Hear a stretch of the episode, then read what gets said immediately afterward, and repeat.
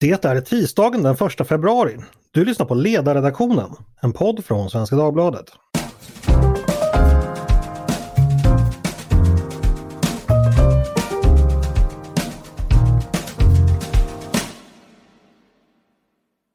Varmt välkomna! Jag heter Andreas Eriksson. Det osäkra och mörknande läget i vårt närområde har dominerat utrikesrapporteringen under hela vintern. Som ni vet har Ryssland förflyttat trupp mot Ukrainas gräns eh, och också in i Belarus och ställer diplomatiska krav på en ny europeisk säkerhetsordning.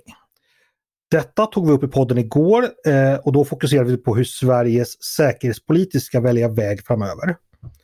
Idag ska vi gå vidare på ungefär samma tema men nu ska vi fokusera på försvarspolitiken, vår försvarsförmåga och läget inom Försvarsmakten. Vad behöver från politiskt håll göras för att stärka det försvaret Eh, vad kan göras i närtid och hur ska det gå till? Med mig för att diskutera det har jag två sakkunniga personer. Karlis Neretniks, generalmajor, tidigare chef för Försvarshögskolan, ledamot av Krigsvetenskapsakademin. Välkommen hit! Tack för det! Och Emanuel Örtengren, tidigare vikarie på ledarredaktionen, numera tillförordnad chef på tankesmedjan Frivärd. Välkommen du också! Tack så mycket! Vi kan väl börja eh, väldigt enkelt och konkret. Vad anser ni behöver göras från politiskt håll i form av beslut när det gäller Försvarsmakten just nu? Eh, vi ska börja med dig Carlis. Ja, det är ju helt klart att Försvarsberedningens förslag, det som sen blev en försvarsproposition för drygt ett år sedan, det har blivit ifrånsprunget av verkligheten. Så att det sakta tempo som det var tänkt att Försvarsmakten skulle återuppbyggas. Det går längre inte att fortsätta på det viset utan processen måste snabbas på. Och den måste snabbas på avsevärt. Och där finns ju ett antal åtgärder man skulle kunna göra men jag kan återkomma till det efterhand som vi diskuterar här. Absolut. Eh, vi släpper in Emanuel också. Eh, vad, samma fråga till dig. Vad bör göras från politiskt håll? Ja, som Carly säger så först och främst så vi har ju ett försvarsbeslut som man klubbade i riksdagen 2020 tror jag och den avser ju först och främst perioden 2021 till 2025. Eh, det här beslutet bör man ju eh, ompröva och vi kommer in sen lite senare i podden på det här med en kontrollstation som man har inplanerat till nästa år till exempel. Men på, på kort sikt så finns det ju det finns saker man kan göra. Eh, det, det, är, lite, det är lite svårare på, på kort sikt eftersom det ofta tar tid att skala upp militär förmåga. Men man skulle ju till exempel som eh, flera andra i den här debatten har varit inne på kunna anförskaffa ammunition av olika slag, finkalibrig, pansarvärnsvapen och så vidare. Eh, och även sådana här liksom, viktiga men, men, viktigt men underskattat material som, som hjälmar och kängor eh, med mera. Och det beror lite på vilka avtal man har med leverantörer, om det går att skala upp med befintliga leverantörer och så vidare. Men, men det skulle gå. Eh, och en annan sak som jag tänker på på ja, kort eller medellång sikt är att idag är det väldigt många i Försvarsmakten som är anställda på deltid. Och om Försvarsmakten fick ett, ett resurstillskott så skulle man kunna anställa fler också på deltid eller på, förlåt, på heltid och på så sätt höja beredskapen. Men vi kommer säkert in på mer, mer detalj vad, vad man kan göra och vad försvarsberedningen är och kontrollstationen och sånt där lite senare. Mm. Karlis, Carlis, vänder mig till dig. Om du bara kort sammanfattar de, mest trängande behoven när det gäller Försvarsmakten idag. Var finns det brister och eh, vad är det som behöver åtgärdas? Ja, jag får eh, hänga på direkt där Emanuel slutade. Han nämnde ammunition, han nämnde mängdmaterial av olika slag. Jag skulle kunna fylla på med andra åtgärder som man snabbt kan genomföra. Lastbilar, vanliga standardlastbilar. Eh, det behövs ganska många. Och mm. jag är helt övertygad om att både Scania och Volvo skulle vara beredda att leverera tillräckligt många lastbilar inom ett år, bara de fick beställningarna. Vi pratar om ett ganska kort perspektiv där. Inom ett år skulle man kunna genomföra den här typen av standardhöjningar alltså? Ja visst, oh ja. Utan det Emanuel nämnde om till exempel ammunition. Självfallet finns det ammunitionsslag som det tar längre tid att leverera kvalificerade jaktrobotar till flygplan till exempel. Men säg artilleriammunition, vanlig 15,5 centimeters. Jag är ganska övertygad om att vi skulle kunna få de första leveranserna inom ett halvår. Om vi bara beställde. Jag tänkte bara säga, apropå det Karli säger om lastbilar, att här kan man ju faktiskt jämföra lite med med eh, pandemin. Och där såg vi många, många företag i det privata näringslivet som när de hade tillfälligt då mindre efterfrågan på annat eller när de fick beställningar så kunde de snabbt ställa om sin produktion och där var ju Scania ett, ett exempel faktiskt. Jag vet att Scania producerade eller hjälpte till att producera medicinsk utrustning och nu har vi snart då vi är på väg ut ur pandemin så har vi en annan typ av krisläge och då kan man mobilisera på motsvarande sätt fast för, för försvaret då den här gången. Mm. Eh, men, eh, men Carlis hade nog mer att tillfoga där tror jag. Det finns ett område jag skulle vilja peka på som det inte har pratats så mycket om. Övning. Visst, mm. vi kan köpa prylar, ammunition, lastbilar, eh, vi kan anställa fler soldater. Allting är både nödvändiga och snabba åtgärder. Men det här ska ju bli förband som går att använda. Och en enskild åtgärd jag skulle föreslå, jag hoppas Försvarsmakten också planerar för, det är att genomföra repövningar med våra krigsförband. Snabba på dem, tidigarelägga dem. De är ju inplanerade under en lång period, tre, fyra, fem år framåt. Men det är ingenting som hindrar att man snabbar på det, bara man har slantar till att genomföra dem. Det kommer säkert förrycka en och annan liten plan i, alla, i olika avseenden. Men det går inte att ha det på det viset att när vi eventuellt står inför ett krig i Europa så säger vi oj, men det förrycker våra planer om vi ska ta hänsyn till det. Eh, det vore barockt. Just det här med slantar tänker jag, eh, oavsett om man ska köpa ammunition eller öva eller anställa fler eh, personal så behöver man ju pengar. Eh, då har du föreslagit att man ska återinkalla den försvarsberedning som tog det förra försvarsbeslutet eh, och att den ska diskutera ihop sig kring ytterligare finansiering. Eh, Carly, skulle det vara en, är, är det den kloka politiska vägen framåt eller hur tänker du? Ja, det kanske är den klokast, klokaste politiska vägen. Men det är knappast den klokaste vägen. Det är två helt olika saker. Den klokaste. Vad är den klokaste vägen då? Det är att regeringen går till överbefälhavaren i första hand, men även MSB och frågar vad kan vi göra på kort sikt? Och därefter förelägger regeringen förslag för riksdagen. Riksdagen kan fatta beslut och förstärka försvarsanslagen eh, nästa vecka bara de har någon sorts proposition att ta ställning till. Det är så vi måste agera nu. Att så, kalla in mm. beredningen, det är naturligtvis klokt ur synpunkten att man ska förankra större beslut. Men att köpa ammunition för 500 miljoner kronor, är det ett beredningsärende? Utomordentligt tveksam till det faktiskt. Dessutom, om eh, beredningen ska arbeta och arbeta fram underlag och fundera på det här, då är vi säkert framme i, eh, ja, framåt hösten i samband med budgetförhandlingarna då. Och det är först då man fattar beslut. Utan här måste vi köra två spår. Det ena där regeringen i snabb takt lägger fram förslag till riksdagen grundat på vad ÖB och MSB och andra ger för förslag och du röstar i eh, riksdagen om det. Samtidigt så kan försvarsberedningen, som då eventuellt är återinkallad, jobba med lite mer långsiktiga ska vi säga, förändringar i det som står i försvarsberedningen eller i försvarspropositionen då från förra året. Och det skulle kunna vara åtgärder i stil med att istället för att få försvarsanslaget att växa till 1,5 procent till 2025 så kanske man skulle kunna sätta upp målet att växa till 2 procent till 2025. Det vore någonting typiskt för försvarsberedningen att ta ställning till. Men mm. knappast kortsiktiga åtgärder som att köpa lastbilar. Just det. Vi har alltså då två spår här. Dels ett mer kortsiktigt där regeringen kan vara lite mer flyhänt och sen det långsiktigt där en eventuell parlamentarisk beredning kan eh, vara intressant. Emanuel, vad säger du om detta? Delar du den synen att eh, det är så att säga så vi måste tänka? Ja, det gör jag och jag tänker att det, mycket av det som Carlis föreslår det kan man ju lägga in, eh, eller jag ser inte varför man inte skulle kunna lägga in det i en extra ändringsbudget eller vårändringsbudgeten. Inte helt olikt eh, vad vi har gjort regelbundet under pandemin att när, när det uppstått akuta behov så har man tillskjutit resurser på ganska kort varsel. Eh, det tror jag att man skulle kunna göra här också.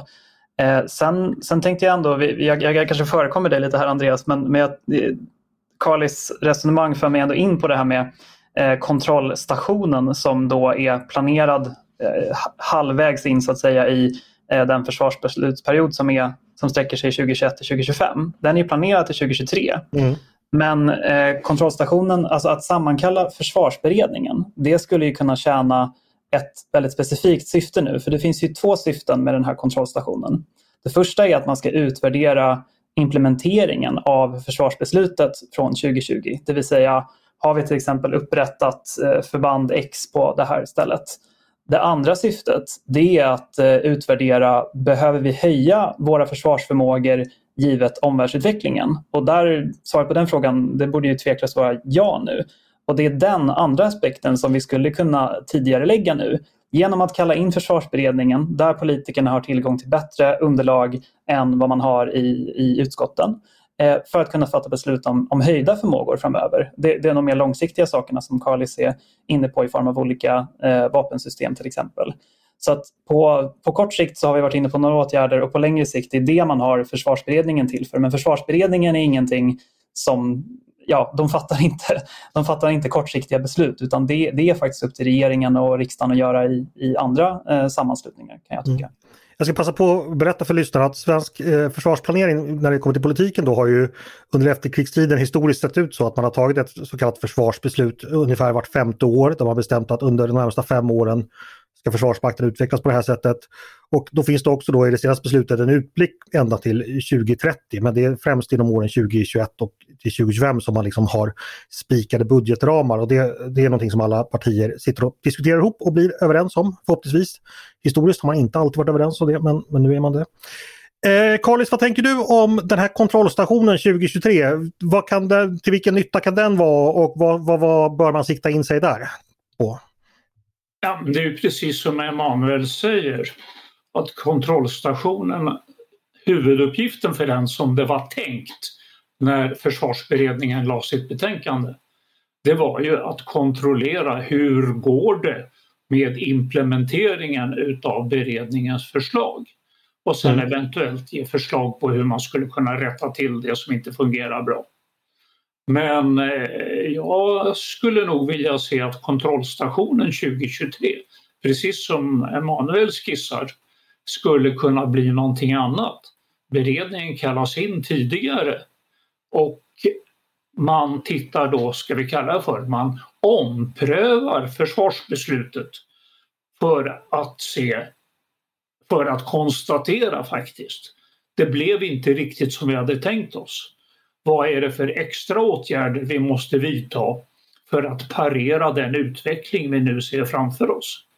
Så att eh, nästan på gränsen till att eh, en ny liten försvarsberedning som tar avstamp i det man gjorde i förra varvet.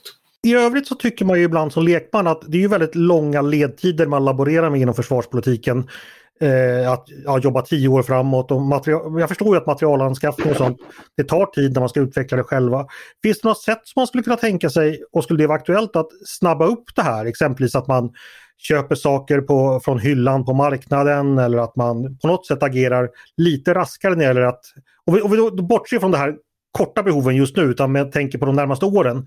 Emanuel, vad säger du om det? Finns, finns det där möjligheter att också spida upp vad som sker? Vissa saker går ju att eh, snabba på. Jag, jag, tänker det finns ju till exempel en, en eh, grundläggande skillnad mellan Sverige och Finland i hur vi har resonerat kring materielanskaffning. En lärdom som Sverige drog från andra världskriget det var att vi skulle ha en, en egen försvarsindustri, eh, vilket vi har till stor grad, medan Finland eh, har förlitat sig på, på, på, inköp och de kanske har en mer, ja, det, det vet Karlis bättre än jag, men, men, mitt intryck är att de kanske har en mer kostnadseffektiv försvarsmakt än, än vad vi har ibland. Eh, för att just att man beställer liksom saker som finns färdiga på, på marknaden. Men, eh, men jag tror att Karlis är bättre lämpad än jag att svara på den frågan om det skulle kunna gå snabba på. Sen vill jag bara lägga till att jag tror att det är en tidsaspekt som man inte heller ska underskatta. Visst kan man snabba på en del vad gäller materiel men det är också att det tar tid att eh, utbilda eh, personal. Eh, jag var själv på flygflottiljen i Luleå F21 i, i december och eh, det, det, som var slående var ju hur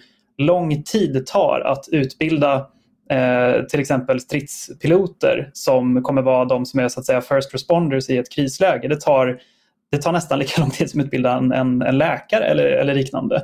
Så mm. den, den aspekten tror jag inte heller att man ska, man ska underskatta. Och jag, jag, jag, tror att nu är fokus väldigt mycket på materiel, men som Carly säger så måste vi också tänka personal och repövningar och utbildning och liknande. Det, det är minst lika viktigt för att vi ska kunna stå redo när det, när det gäller.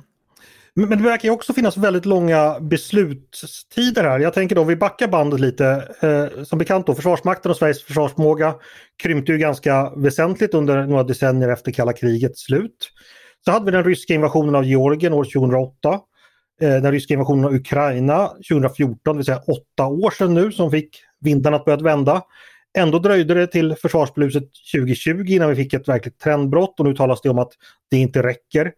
Carlis, vad säger du? Vad, vad beror det på att det ändå verkar finnas en sån här tröghet i hur, hur man politikerna beslutar att Försvarsmakten ska utvecklas? Och kan man göra någonting åt det? Vad tänker du?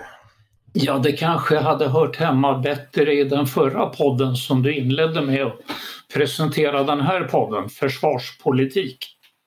Ja. För att det ska hända någonting så krävs det faktiskt att regering och riksdag vill att det ska hända någonting.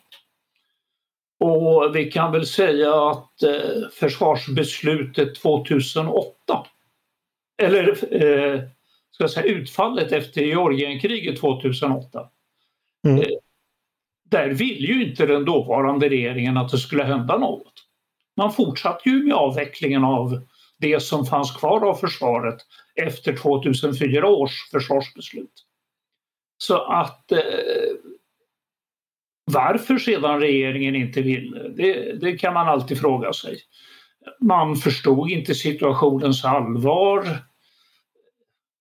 Man kanske tyckte att det angick inte oss.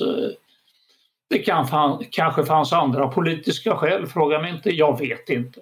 Regeringen ville helt enkelt inte och då blev det ingenting. Sen när vi har försvarsbeslutet 2015 så fanns det en tydligare viljeinriktning.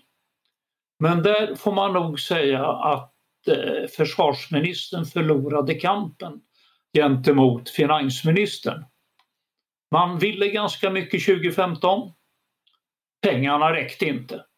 Man fattade alltså ett beslut som var klart underfinansierat. Sedan har vi nu försvarsbeslutet 2020 som har en mycket tydlig viljeinriktning det också. Men där jag får, eh, jag kan ge prognosen redan nu. Pengarna kommer inte räcka för att genomföra det som är beslutat i 2020 års försvarsbeslut. Även det är underfinansierat.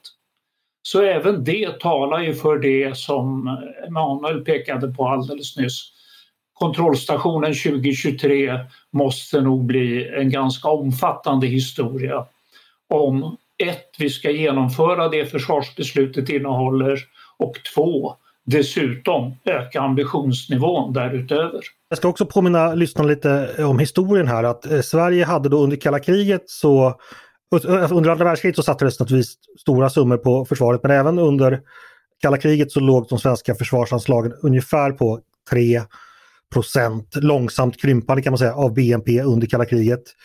Eh, det minskade då efter kalla krigets slut. Eh, I reda pengar var det ungefär lika mycket som vi gav till Försvarsmakten eh, från 1990 och framåt. Det var mellan 40 och 50 miljarder men eftersom BNP hela tiden ökade så krympte det här ner till ungefär 1 procent av BNP. Nu har då trenden eh, bytts ut och tanken är att vi ska landa ungefär på 1,5 procent 2025.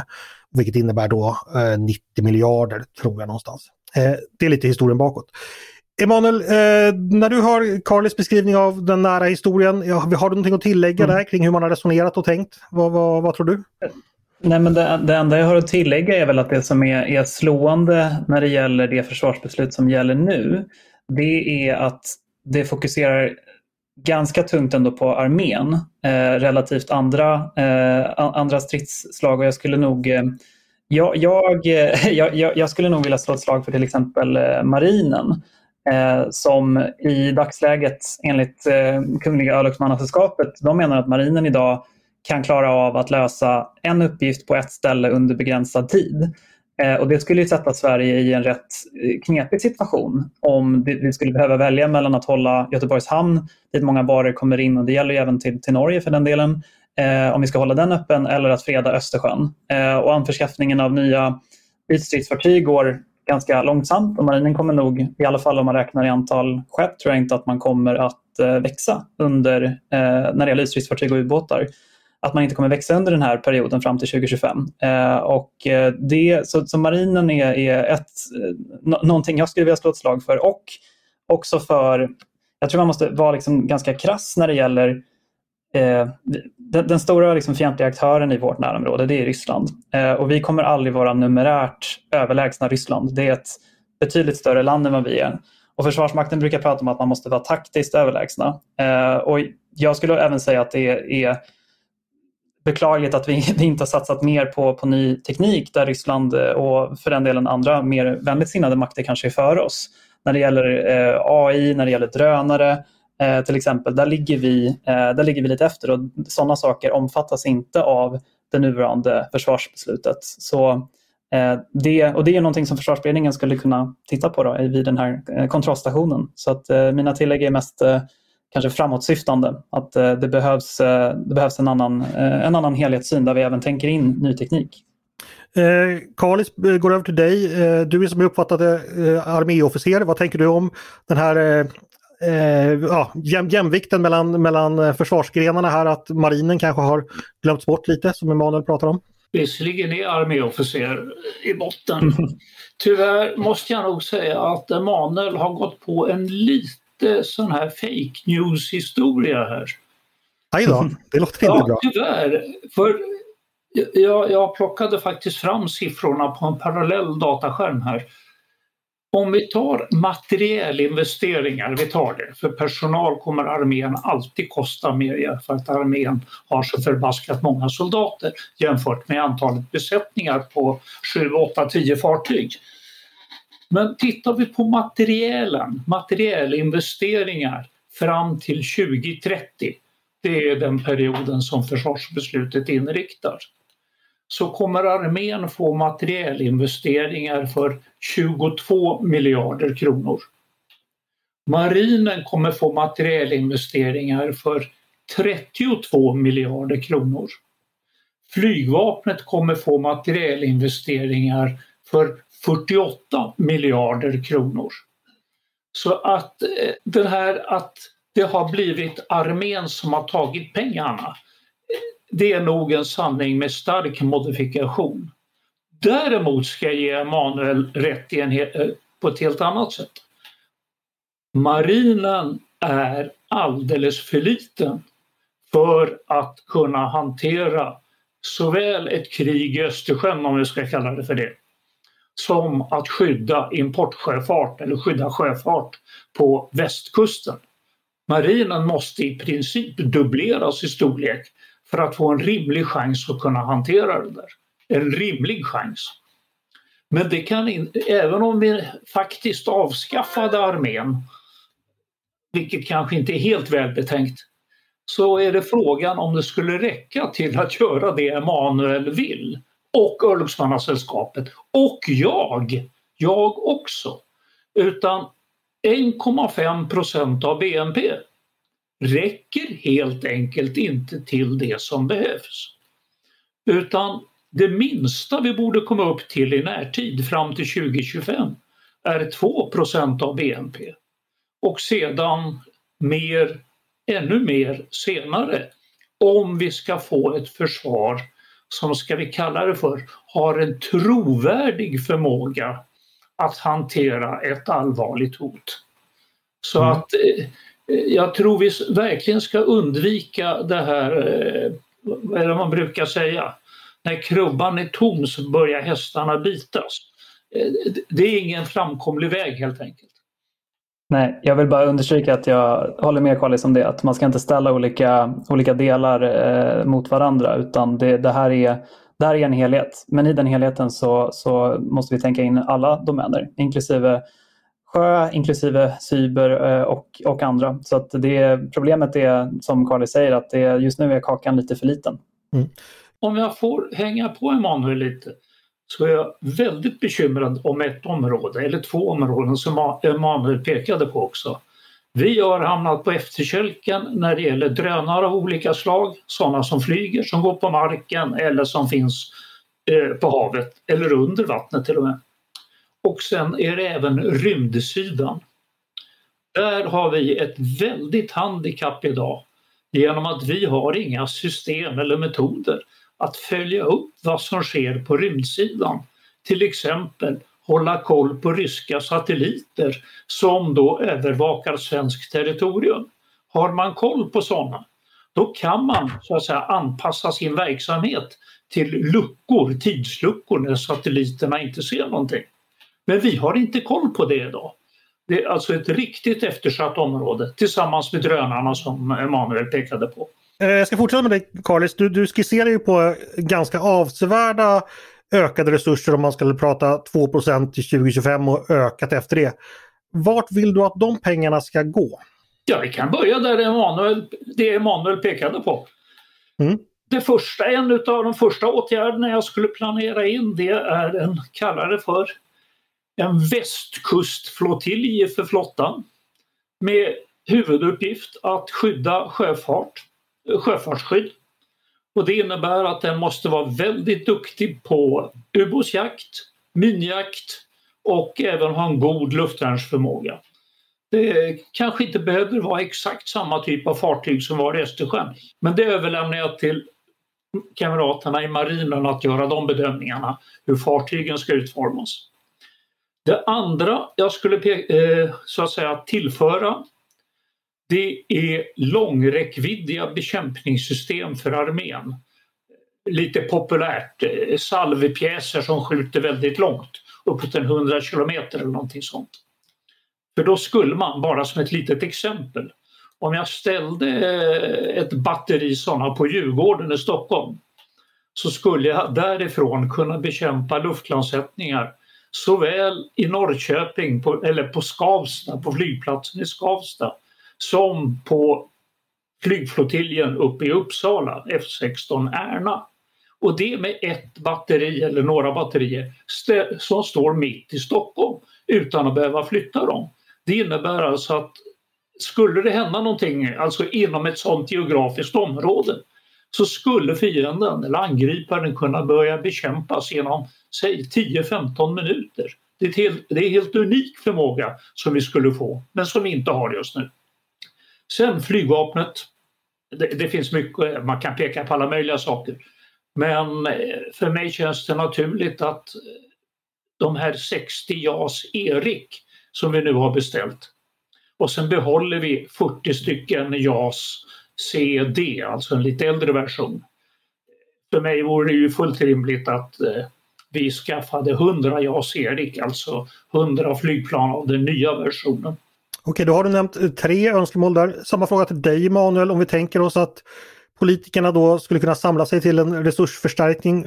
Vilka hål är det som vi först och främst behöver stoppa i? Ja, vi har varit inne förstås på ammunitionsköp och sånt, men om vi tänker lite mer långsiktigt. Nej, vi har varit inne på, på väldigt många och eh, nej, men ut, ut, utöver det, det Kalis har nämnt, eller jag vet inte om jag kan lägga till någonting särskilt egentligen. Eh, det, är, det är en väldigt detaljerad lista, men Eh, men, men det är väl att undersöka eh, våra, våra, våra förmågor inom de här nya områdena som, som AI och, och, och drönare och cyber. För att det är ju man, första steget, och det, det, har ju, det har ju talats om det nu när vi spelar in där, så vet vi inte riktigt vad Rysslands nästa drag gentemot Ukraina kommer bli. Om det kommer bli någon form av regelrätt invasion eller liknande. Men man brukar ju tala om att ett förberedande steg för eh, en, ett mer militärt angrepp är ju att man försöker med olika typer av sabotage. Vi såg ju det när Ryssland till exempel försökte eh, man riktade en cyberattack mot flera eh, hemsidor som hörde till den ukrainska regeringen.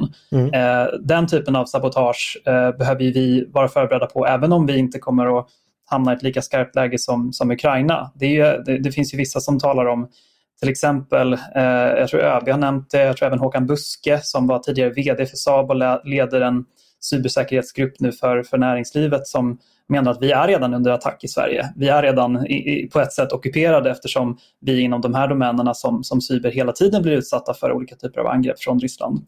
Och Det svåra med det området är att det är inte bara eh, Försvarsmaktens domän, så att säga. Det är inte bara militära saker som Försvarsmakten ansvarar för, utan det rör ju väldigt många fler aktörer i samhället, vilket gör det lite mer komplicerat att kunna säga konkret att det här borde, borde aktör X göra.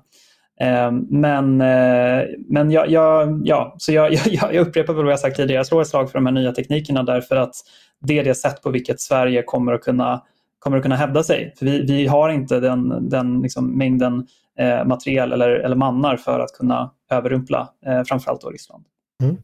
Vi får hoppas att politikerna lyssnar på dessa kloka ord. Eh, är det någonting ytterligare ni skulle vilja tillföra så här innan vi slutar som man kanske inte som lekman tänker på när det gäller just Försvarsmaktens behov och utveckling? Eh, vill du lägga till någonting? Ja, jag skulle vilja anknyta lite till Emanuels eh, sista inlägg här. Eh, jag har ibland funderat i banorna om att totalförsvaret borde bestå av tre ben. Traditionellt har det bestått av det militära försvaret och eh, olika civila komponenter som ja, civil, det civila försvaret, försörjning, energi och annat. Jag tror att vi bör fundera på ett tredje ben som heter cyberförsvar. Och det är alltså ett tredje ben, inte en del av det civila försvaret eller det militära. Utan eh, generaldirektören för cyberförsvaret, det ska vara en person som är faktiskt är jämställd med ÖB och har att försvara Sverige mot olika typer av cyberhot. Och det kriget pågår redan nu. Det är alltså en myndighet som egentligen skulle vara i krig från och med den dag den bildades. För att försvara vårt betalningssystem, våra försörjningskedjor när man beställer mat via dator, ja, för att försvara poddar och eh, internet och annat. Alltså det, här pågår det redan ett krig. Och där krävs det en kraftfull myndighet som samordnar det här. Det här cybercentret som just nu håller på att skapas, eh, tyvärr, det kommer inte ha den förmågan som krävs i, i de här sammanhangen. Utan det är mer ett samordningsorgan mellan olika myndigheter och där det inte finns någon som egentligen har mandatet att ge order, nu gör vi så här. Mm. Så att en kraftfullt tredje cybersäkerhetsben i totalförsvaret skulle jag gärna se. Vi får se om vi ska återkomma till det. Det kanske blir en cyberförsvarspodd alldeles särskilt om det i framtiden. Stort tack för att ni kom hit, Karlis Neretniks och Emanuel Örtengren och pratade med mig. Tack så mycket. Skoj att vara här. Och tack till er som har lyssnat. Eh, innan jag tackar helt för idag ska jag passa på att tipsa om en annan podd som vi har på Svenska Dagbladet, nämligen Nyhetspodden Dagens Story. På en kvart varje dag får man där en fördjupning i ett aktuellt ämne. Så lyssna gärna på den. Den podd ni har lyssnat på nu, eh, som jag hoppas kommer försvaras av cyberförsvaret i händelse av ofred, den heter Ledarredaktionen. En podd från Svenska Dagbladet. Varmt välkomna att höra av er till redaktionen med tankar och synpunkter på det vi precis diskuterat eller om det är så att ni har idéer och förslag på andra saker vi ska ta upp i framtiden. Maila då till ledarsidan snabel svd.se. Dagens producent heter Jesper Sandström. Själv heter jag Andreas Eriksson och jag hoppas att vi hörs igen snart.